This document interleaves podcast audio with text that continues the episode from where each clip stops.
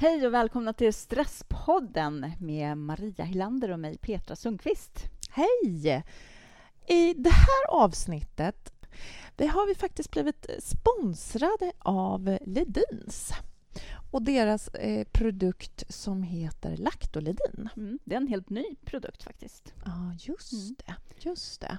Och det är faktiskt väldigt bra, tänker jag, idag när eh, vi, vi är lite... Alla är förkylda. Mm. Och då tänker jag att det är ganska bra, för vad den här gör är ju att den boostar dina tarmar. För den innehåller ju, eh, vad var det, sju olika stammar med mjölksyrebakterier, ja, eller hur? exakt. Så det är ett probiotika. Mm. Mm. Precis. Mm. Som hjälper och fyller på med massa goda tarmbakterier. Det gör det. För mm. kom ihåg att immunförsvaret sitter ju mest i magen. Mm. Precis. Så Lactolidin, hörni, alla ni som känner att ni vill vara lite extra eh, snälla mot era tarmar och mot er kropp och mot er immunförsvar. Mm. Just det, vi glömde vi säga, det innehåller ju D-vitamin också, vilket är extra bra i de här tiderna när det ja. blir mörkare och mörkare. Precis. Mm. Ja. Mm. Ja, men eh, testa det. Eh, ni eh, kommer direkt att läsa mer om produkten ifall ni kikar in på stresspodden.nu. Mm. Ifall ni glömmer bort vad det heter och inte orkar spola bakåt i podden. Mm.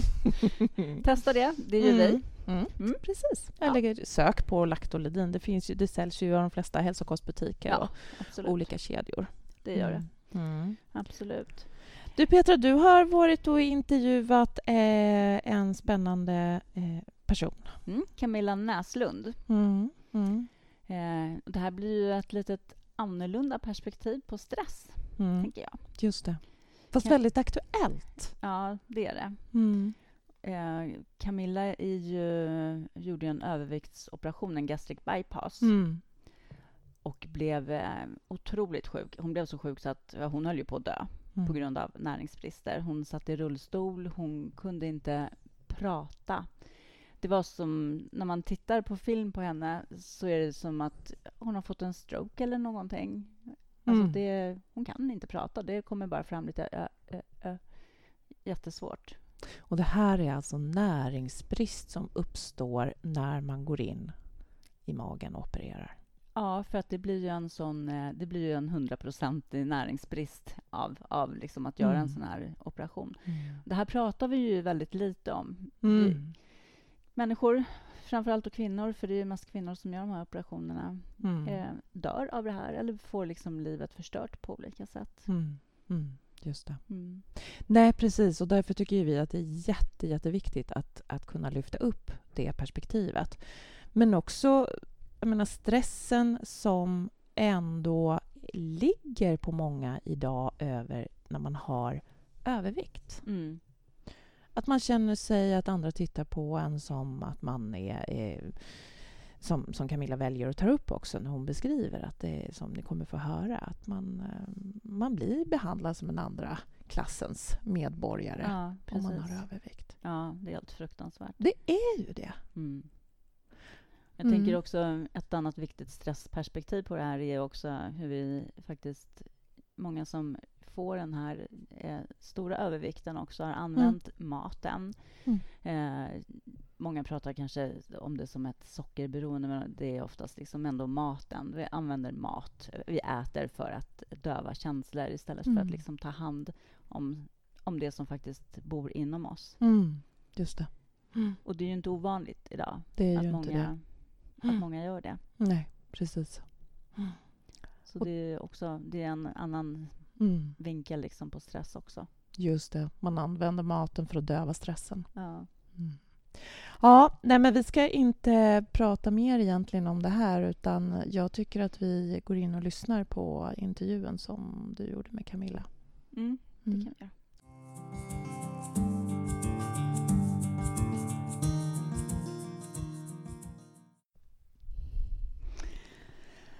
Camilla, vi har ju snackat lite om det här programmet som ja, Skäringer har med om det här med kroppshets och hur vi verkligen båda två skulle önska att det bara var obligatoriskt för alla, i alla fall främst alla kvinnor, att titta på.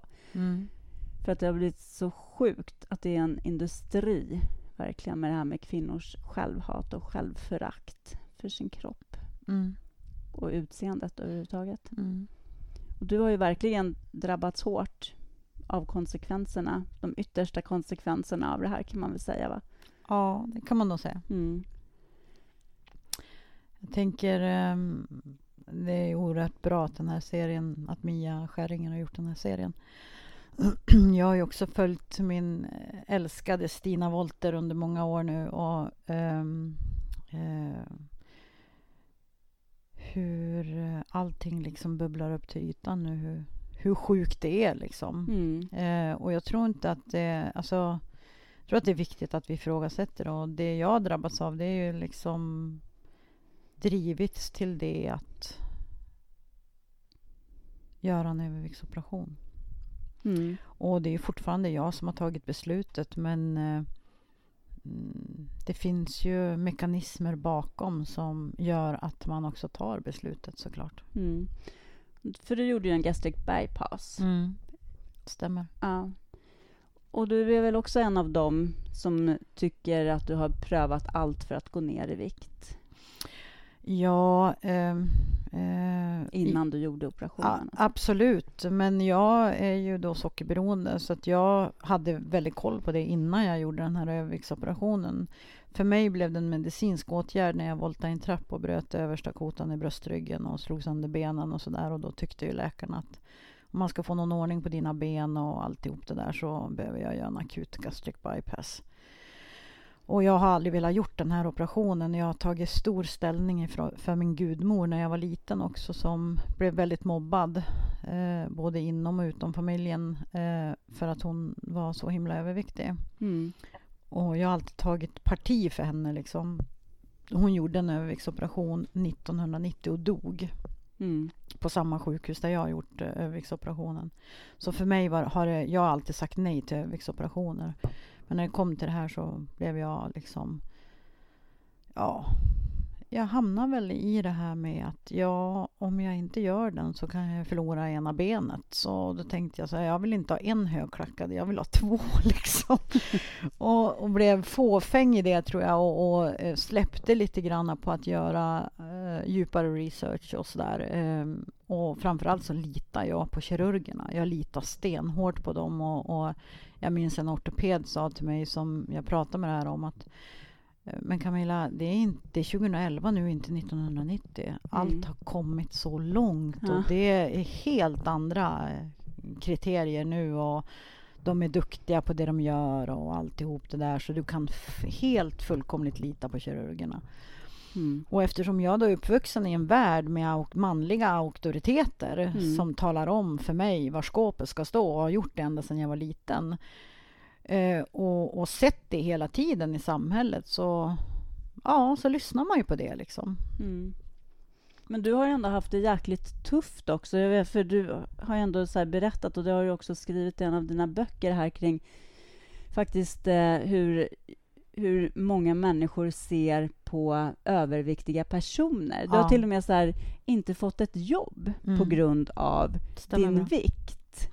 Så. Även fast eh, den personen i fråga var jätteimponerad av vad du hade gjort. Ja. Ja, det, jag, tappade, jag jobbade som säljare, tappade en affär på 2,5 miljoner. Ja. Eh, därför att eh, den här 120 kilos eh, direktören eller beställaren mm. tyckte ju att eh, eftersom han såg att jag inte kunde hantera maten så kunde han inte lita på att jag kunde hantera ett projekt på 2,5 miljoner. Mm. Så jag tappade affären trots att jag hade det bästa förslaget och ett hyggligt pris liksom, mm. och, och, bra idéer runt omkring det. Men jag var för fet för att liksom, kunna genomföra projektet. Mm. Men eh, även fast du har blivit utsatt för många sådana här saker mm. eh, på grund av din vikt så hade du inte tänkt innan du skadade dig att du skulle göra en överviktsoperation? Aldrig. Nej. Aldrig. Ja, nej, det, ja, det har aldrig slagit mig liksom därför att jag har nog alltid jag har både hatat mig själv och älskat mig själv. Jag har på något sätt alltid varit en sån person som har försökt göra det bästa med det jag har. Liksom. Mm. Eh, så det var ju jättemånga som tyckte att det var konstigt att jag vägde 187 kilo, för det var ingen som uppfattade mig så. Jag hade alltid klackeskor och liksom mm. eh, schysst klädd och, och, och eh, rätt positiv och glad människa. Liksom. Ja. Det var inga joggingbrallor och det var inga eh, offerkofta och lite sådär. Utan jag verkligen försökte göra det bästa av mitt liv trots att jag såg ut som jag gjorde. Då. Eh, du menar trots att du vägde det du vägde? Ja, det också. Men alltså, det är så här, man ser ju ut på ett speciellt sätt och man mm. uppfattas av andra människor när man är så fet som jag var. Att man är dum i huvudet, man är ofta arbetslös, man är lat, man är eh, oengagerad. Eh, ja, eh, egentligen typ så här andra klassens medborgare, kanske till och med tredje klassen, så att man står väldigt lågt på ska, samhällsskalan. Mm. Eh, och att man är, inte är frisk. Jag vet ju hur, hur många friska tjockisar som helst. Jag mm. vet också att Babben Larsson har pratat om det här i någon så fort man kommer in till läkaren så det har jag också upplevt att då, då ska de ta blodtrycket om man är tjock och sådär. Mm. Och, mm. Eh, ja men du kanske borde gå ner i vikt. Man kommer och söker för man har ont i armen. Ja, men du kanske borde gå ner i vikt liksom. Ja, mm. Det blir så eh, påtagligt att man är fel ute, att man inte passar in liksom. Men även om du nu inte hade tänkt överviktsoperation på grund av din vikt på det sättet mm. så idag hjälper du jättemånga människor som faktiskt har genomgått en överviktsoperation. Mm. Och de du träffar och hjälper och pratar och stöttar, de har ju gjort det för att de inte har sett någon annan utväg till slut att eh, bli av med massa kilon. Mm. Det är också en konsekvens av det här, hur, hur vi liksom värderar kroppar och sånt. Mm. Och så väljer man att eh, faktiskt gå och lägga sig under kniven. Mm. Men det är ju en, alltså, vi utsätter ju våra själar för en oerhörd stress. Mm. Eh, att på något sätt försöka passa in i normen. Mm. Och när vi gör det så, och inte kan uppnå det så är, blir ju ofta också maten en tröst den blir en bedövning. Alltså det är en drog som vi tar till för att reglera vårt mående. Mm. Och när vi gör det så ökar också självhatet eh, och man kommer in i den här kontrollförlusten i att jag kan inte sluta äta, jag bara fortsätter och det, jag vet inte hur jag ska få slut på det här och till slut är man desperat. Mm. Och eftersom vården inte kan hjälpa den sockerberoende som det här oftast handlar om och överätning och vad det nu kan vara som man dövar sig själv med för att man inte klarar av sina egna känslor så får man ju den hjälp som vården har. Mm. Och då erbjud man, erbjuds man ju det som vården har, att överviktsoperera sig. Mm. Men det är fortfarande en operation i magen. Mm. Och det förändrar ju inte hur man har det i huvudet. Nej. Eh, och den stressen vi sätter på oss själva att vara i normen, eh, den förändrar vi när vi överviktsopererar oss till att gå från att den, det är en, en mental stress, en själslig stress, till att den blir biokemisk. Och med det menar jag att vi flyttar stressen från någonting som vi själva eh, har jobbigt med i huvudet mm. till det biokemiska systemet genom att vi stympar ett friskt organ och tar ifrån oss själva möjligheten att kunna läka som en hel människa. Mm. Därför att när vi gör den här operationen så skadar vi oftast vagusnerven. Um, och vi kan heller inte, vi, vi skadar tarmarna eftersom maten går i princip otuggad genom tarmarna och sådär.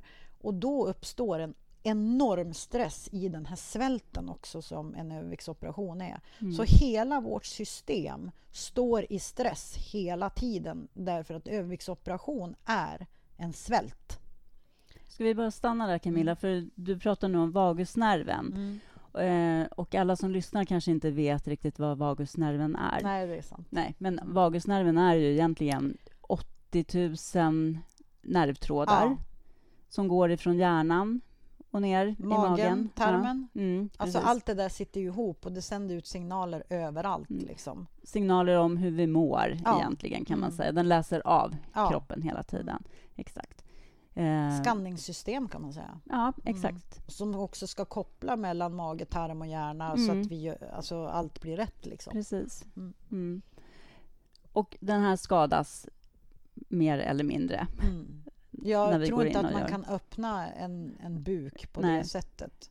utan att, utan skada, att skada den. Nej, utan därför säger mer eller mindre en del. Och sen är det så himla många små nervtrådar så jag tror inte att det finns en kirurg i världen som kan undvika det. Jag tror inte det. Nej.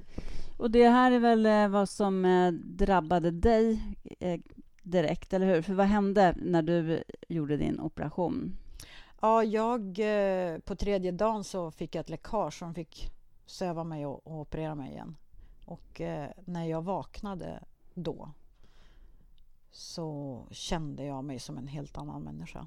Mm. Och mm, naturligtvis hade jag ont i magen, men någonting hade hänt. Mm. Och nu menar vi helt, en annan människa, inte i en positiv bemärkelse? Nej, utan Nej. jag kände att det kändes som att eh, någon hade tagit någonting ifrån mig. Att någonting saknades. Alltså, jag kan inte säga vad det var, men att på något sätt så var det som att ingreppet hade förändrat min personlighet. Mm. Och eh, det bekräftade också mina anhöriga när mm. jag kom hem. Att, ja. Vad är det som har hänt med dig? Mm. Liksom. Mm. Eh, jag var kvar ganska länge på sjukhuset också eh, med de komplikationerna. Men eh, och jag, hela mitt liv, alltså hela min personlighet förändrades efter det.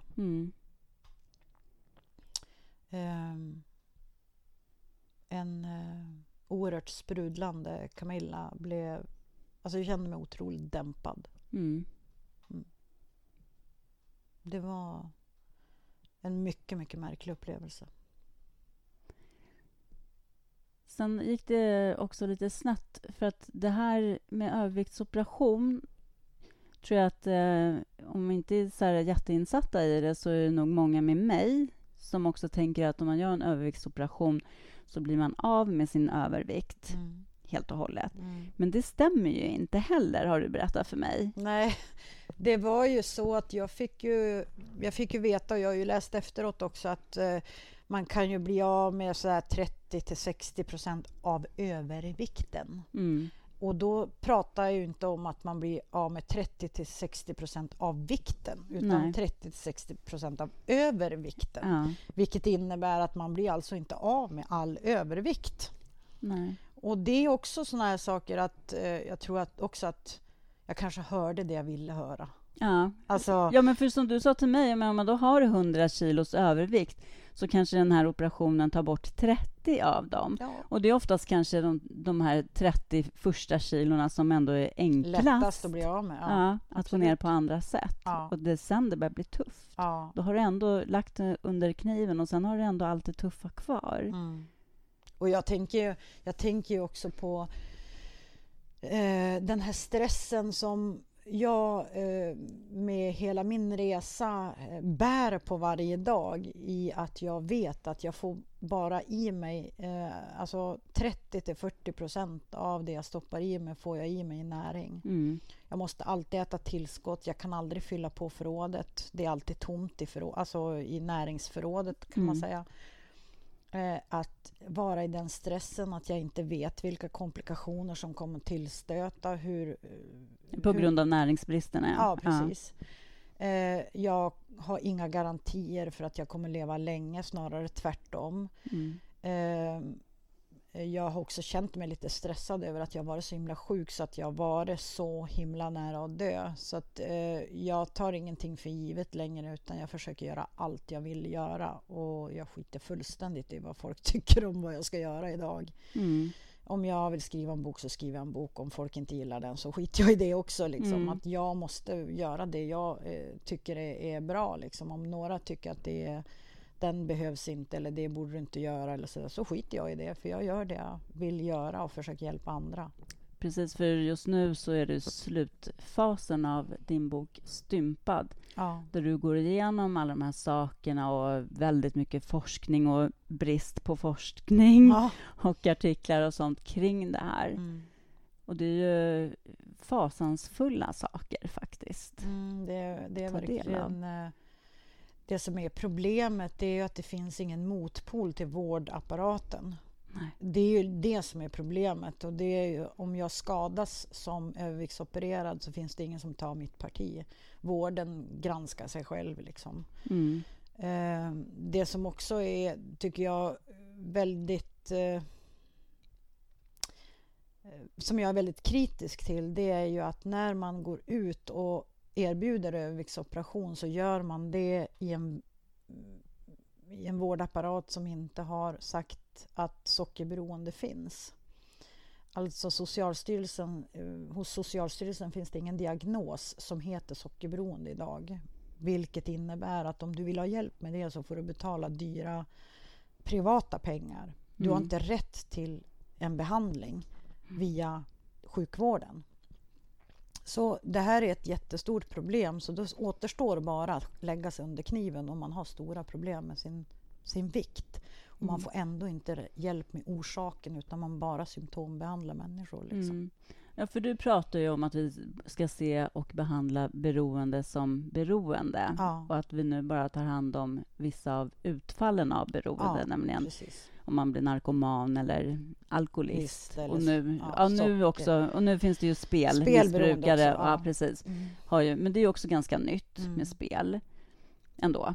Att det ja, har klassats. och det framförallt så är det ju så här att det har ju kommit en ny diagnos där och där har det ju också blivit så att där har landstinget själva tagit hand om att behandla de som är spelberoende, vilket man inte gör med sockerberoende och man får ingen hjälp. Nej. Så det finns, eh, det finns oerhört mycket att göra men alltihop det här bottnar i ett systemfel och eh, bakom systemfelet så har vi också en samhällsnorm som är helt sjuk och absolut vriden. Att eh, vi kan inte vara de vi är där vi är utan vi ska vara som normen är och, och jag tror inte att det är... Alltså det har vi ju sett att det är absolut inte sunt. På, på en fläck någonstans liksom. Nej. Nej, men precis. Men det, det är också så här, ett kroppsideal som är sjukt såklart, men eh, det som också många hamnar i är ju det här missbruket ändå, ja. som heller inte tas Nej. på allvar. Mm. För det är ju ändå så att eh, även som du berättade att eh, det är ju kvar i hjärnan i alla fall. Ja. Det är ju ändå magen man, man gör operationen mm. för att gå ner i vikt. Men det som... Och det, det skriver jag om i den här boken också, att det är faktiskt det så att de flesta eh, som jag möter som har komplikationer idag, som är överviktsopererade, alla mer eller mindre alla säger det. Hade jag vetat det här så, eh, och jag sitter kvar här med min ätstörning och, och med mitt sockerberoende och hade jag vetat det här så hade jag aldrig gjort det. Liksom. Och jag kan fortfarande inte få hjälp med mitt problem. Liksom. Och så sitter man där skadad dessutom och har problem med ett beroende. Mm. Och beroendesjukdomen överlag i det här samhället är så lågt ställd och så skamfylld och så, så omgärdat av skam eh, så att eh, det är ju ingenting vi helst pratar om. Liksom. Nej.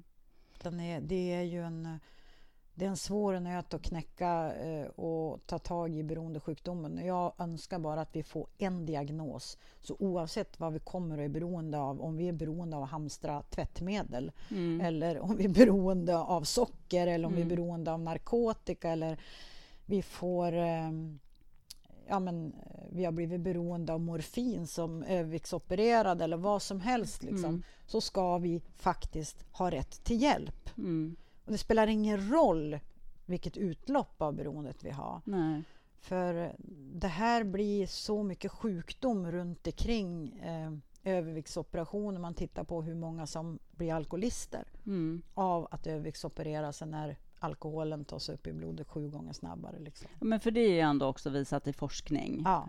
Att, eh, att man hittar, att det leder att ofta det till alkoholism. Absolut, ja. och mm. det är någonting som oroar forskarna väldigt mycket och kirurg, kirurgerna också, men man pratar inte så mycket om det och det finns jag har flera vänner som har överviktsopererat sig som är alkoholister och nyktra alkoholister idag. Och de säger samma sak. Hade man vetat det här på riktigt, liksom, att det här togs på allvar, då hade man inte gjort operationen. Nej. Men för det är ju också så att när vi gör en sån här gastric bypass-operation så bygger ju det på att kroppen ska svälta. Ja. det är ju Svält är stress för kroppen. Svält är absolut stress för kroppen och eh, kommer också med en garanti med näringsbrister. Absolut, 100 procent eh, mm. garanti på näringsbrist om man gör en gastric bypass. Uppfinnaren av operationen har nämligen utlovat det när han uppfann operationen. Uh. Så det, det finns dokumenterat i, i, boken också, lite grann om historien och hur allting har uh. gått till. Liksom. Man lämnar inga garantier hur du ska må, men man kan lämna en garanti på att det är 100% näringsbrist. Absolut, uh. det är helt skruvat. Och sen eh, tänker jag också, då är du, alltså, du är beroende av att äta tillskott resten av ditt liv nu. Ja, och eh, det är ju nästa problem som stressar de överviktsopererades kroppar, vilket gör att de mår väldigt dåligt.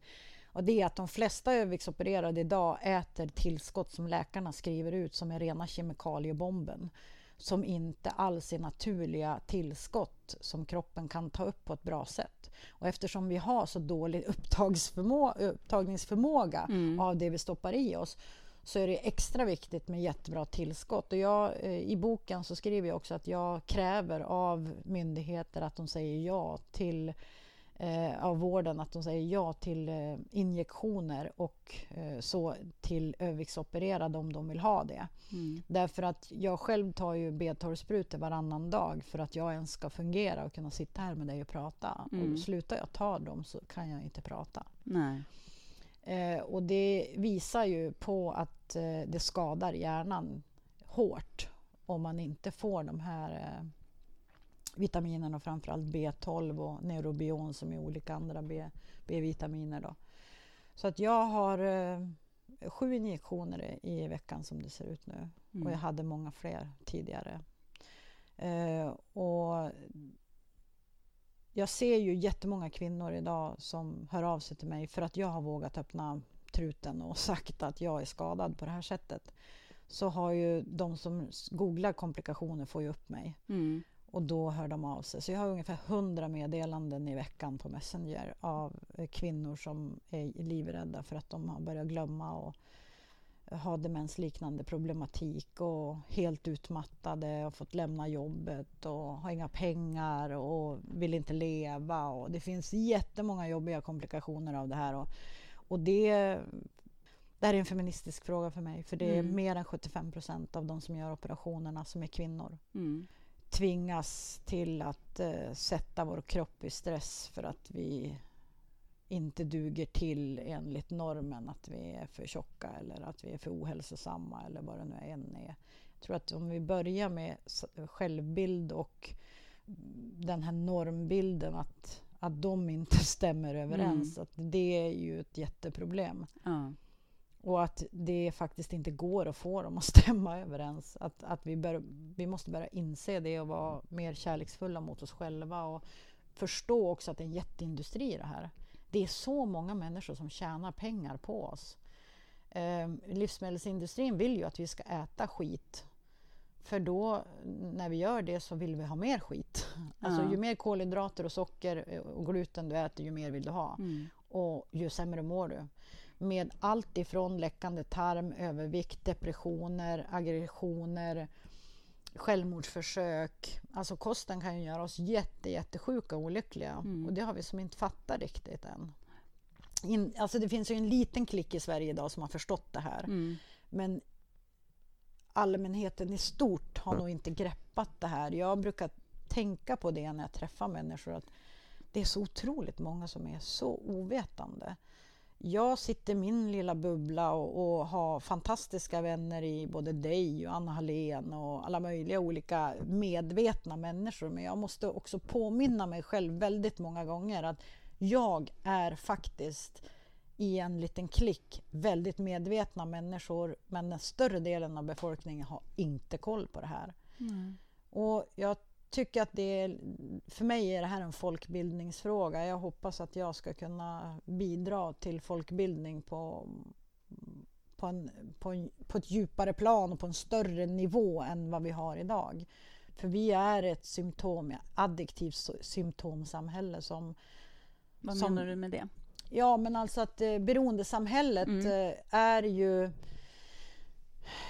vårt elände kan mm. man väl säga. Ja. Att eh, det finns, om vi är olyckliga eller om vi är feta eller vad vi än är som inte... Alltså så ser samhället till att vi inte ska vara nöjd med oss själva. Mm. Alltså, ofta så är det samhället som petar in oss i att vi inte räcker till och av det så blir vi olyckliga. Mm. Vi blir feta, vi super och vi knarkar ja. och vad det än är för någonting. Ja. Och det är det jag menar att det finns liksom ett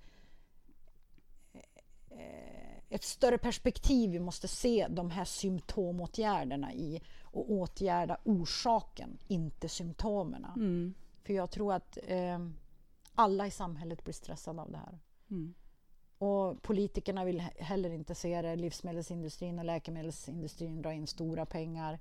Vi har forskare som är statligt avlönade idag som också får pengar från både Danone och Coca-Cola samtidigt och säger att sockerberoende inte finns. Alltså det finns många sjuka saker i det här och jag ville verkligen få det att komma fram i min bok. Mm. För det här med överviktsoperationer, det, det behöver sättas i ett större perspektiv. Mm. Och det gör man inte idag, tycker jag. Och av det så... Alltså det blir stress på alla håll. Och naturligtvis blir det här stress för politiker också, för det kostar ju pengar allting. Mm. Och hur ska man lösa det? Pengarna räcker inte till och vårdpersonalen går på knäna. Och, alltså, om man bara, om man bara pra, fortsätter prata om det här i all evinnerlighet så ser man att det tar ju aldrig slut. Liksom. Och det är klart att vi lever i ett stressat samhälle när det ser ut som det gör. Liksom. Ja. Mm. Har du någon uh, lösning på det här, Camilla? uh, oh, jag vill bara att alla ska få vara den de är där de är. Och sen så tänker jag också att vi behöver kanske inte lära oss något nytt.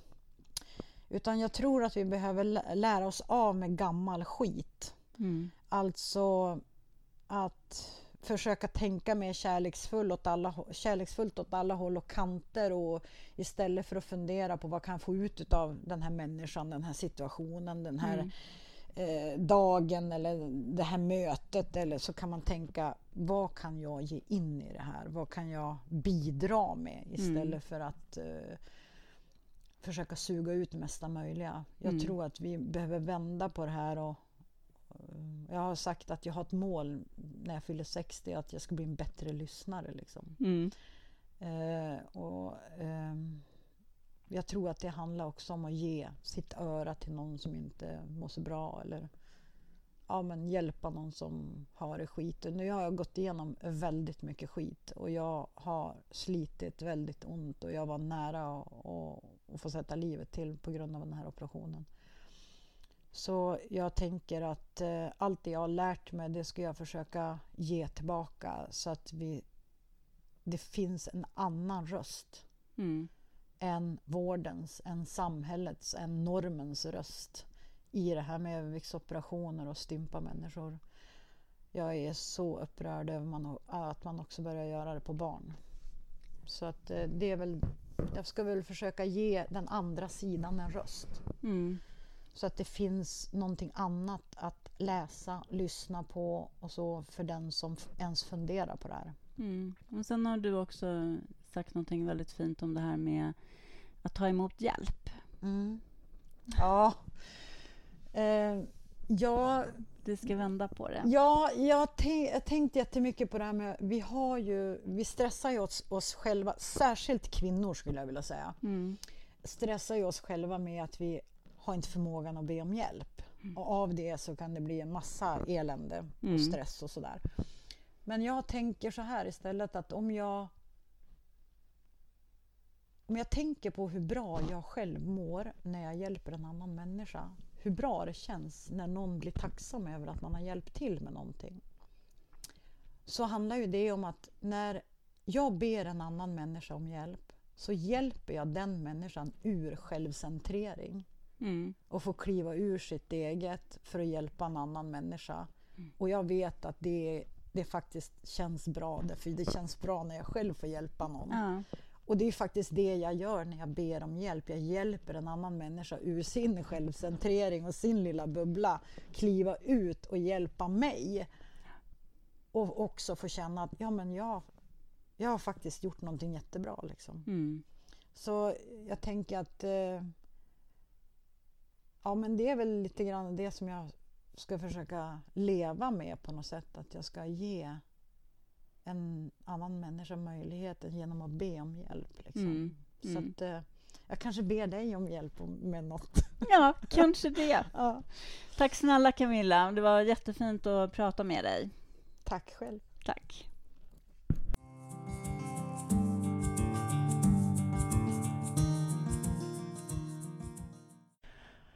Oj, vet du vad, jag, jag, jag ryser lite mm. när, efter att ha lyssnat på den här intervjun. Mm. Vad hon har kämpat och vad ja. tufft hon har haft det. Ja. Och vad många, vad många andra också kämpar. Med henne, ja. Precis. Mm. precis. Mm. Som upplever samma. Och jag tänker också det här att det är kanske många som går igenom en operation och, och, och inte förstår varför man mår så dåligt efteråt. Nu har ju hon haft möjlighet att kunna sätta sig in i, precis som hon berättar, och, och, och få då tillskott och näring mm. på olika sätt för att överhuvudtaget kunna stå och gå och prata. Ja. Ja, och också det här med just som du säger, tillskotten. De här tillskotten mm. som blir utskrivna från sjukvården, att de oftast är väldigt dåliga också, mm. som mm. kroppen inte kan ta upp. Och att man oftast många gånger kanske hamnar i att ska man verkligen må så bra som man kan, att man måste köpa sina egna tillskott. Ja, och då precis. har det liksom... Ja, Camilla mm. lyfter det här som en, som en feministisk fråga, men det blir ju också i den... Ser man det så, så blir det också en klassfråga. Ja, verkligen. Ja.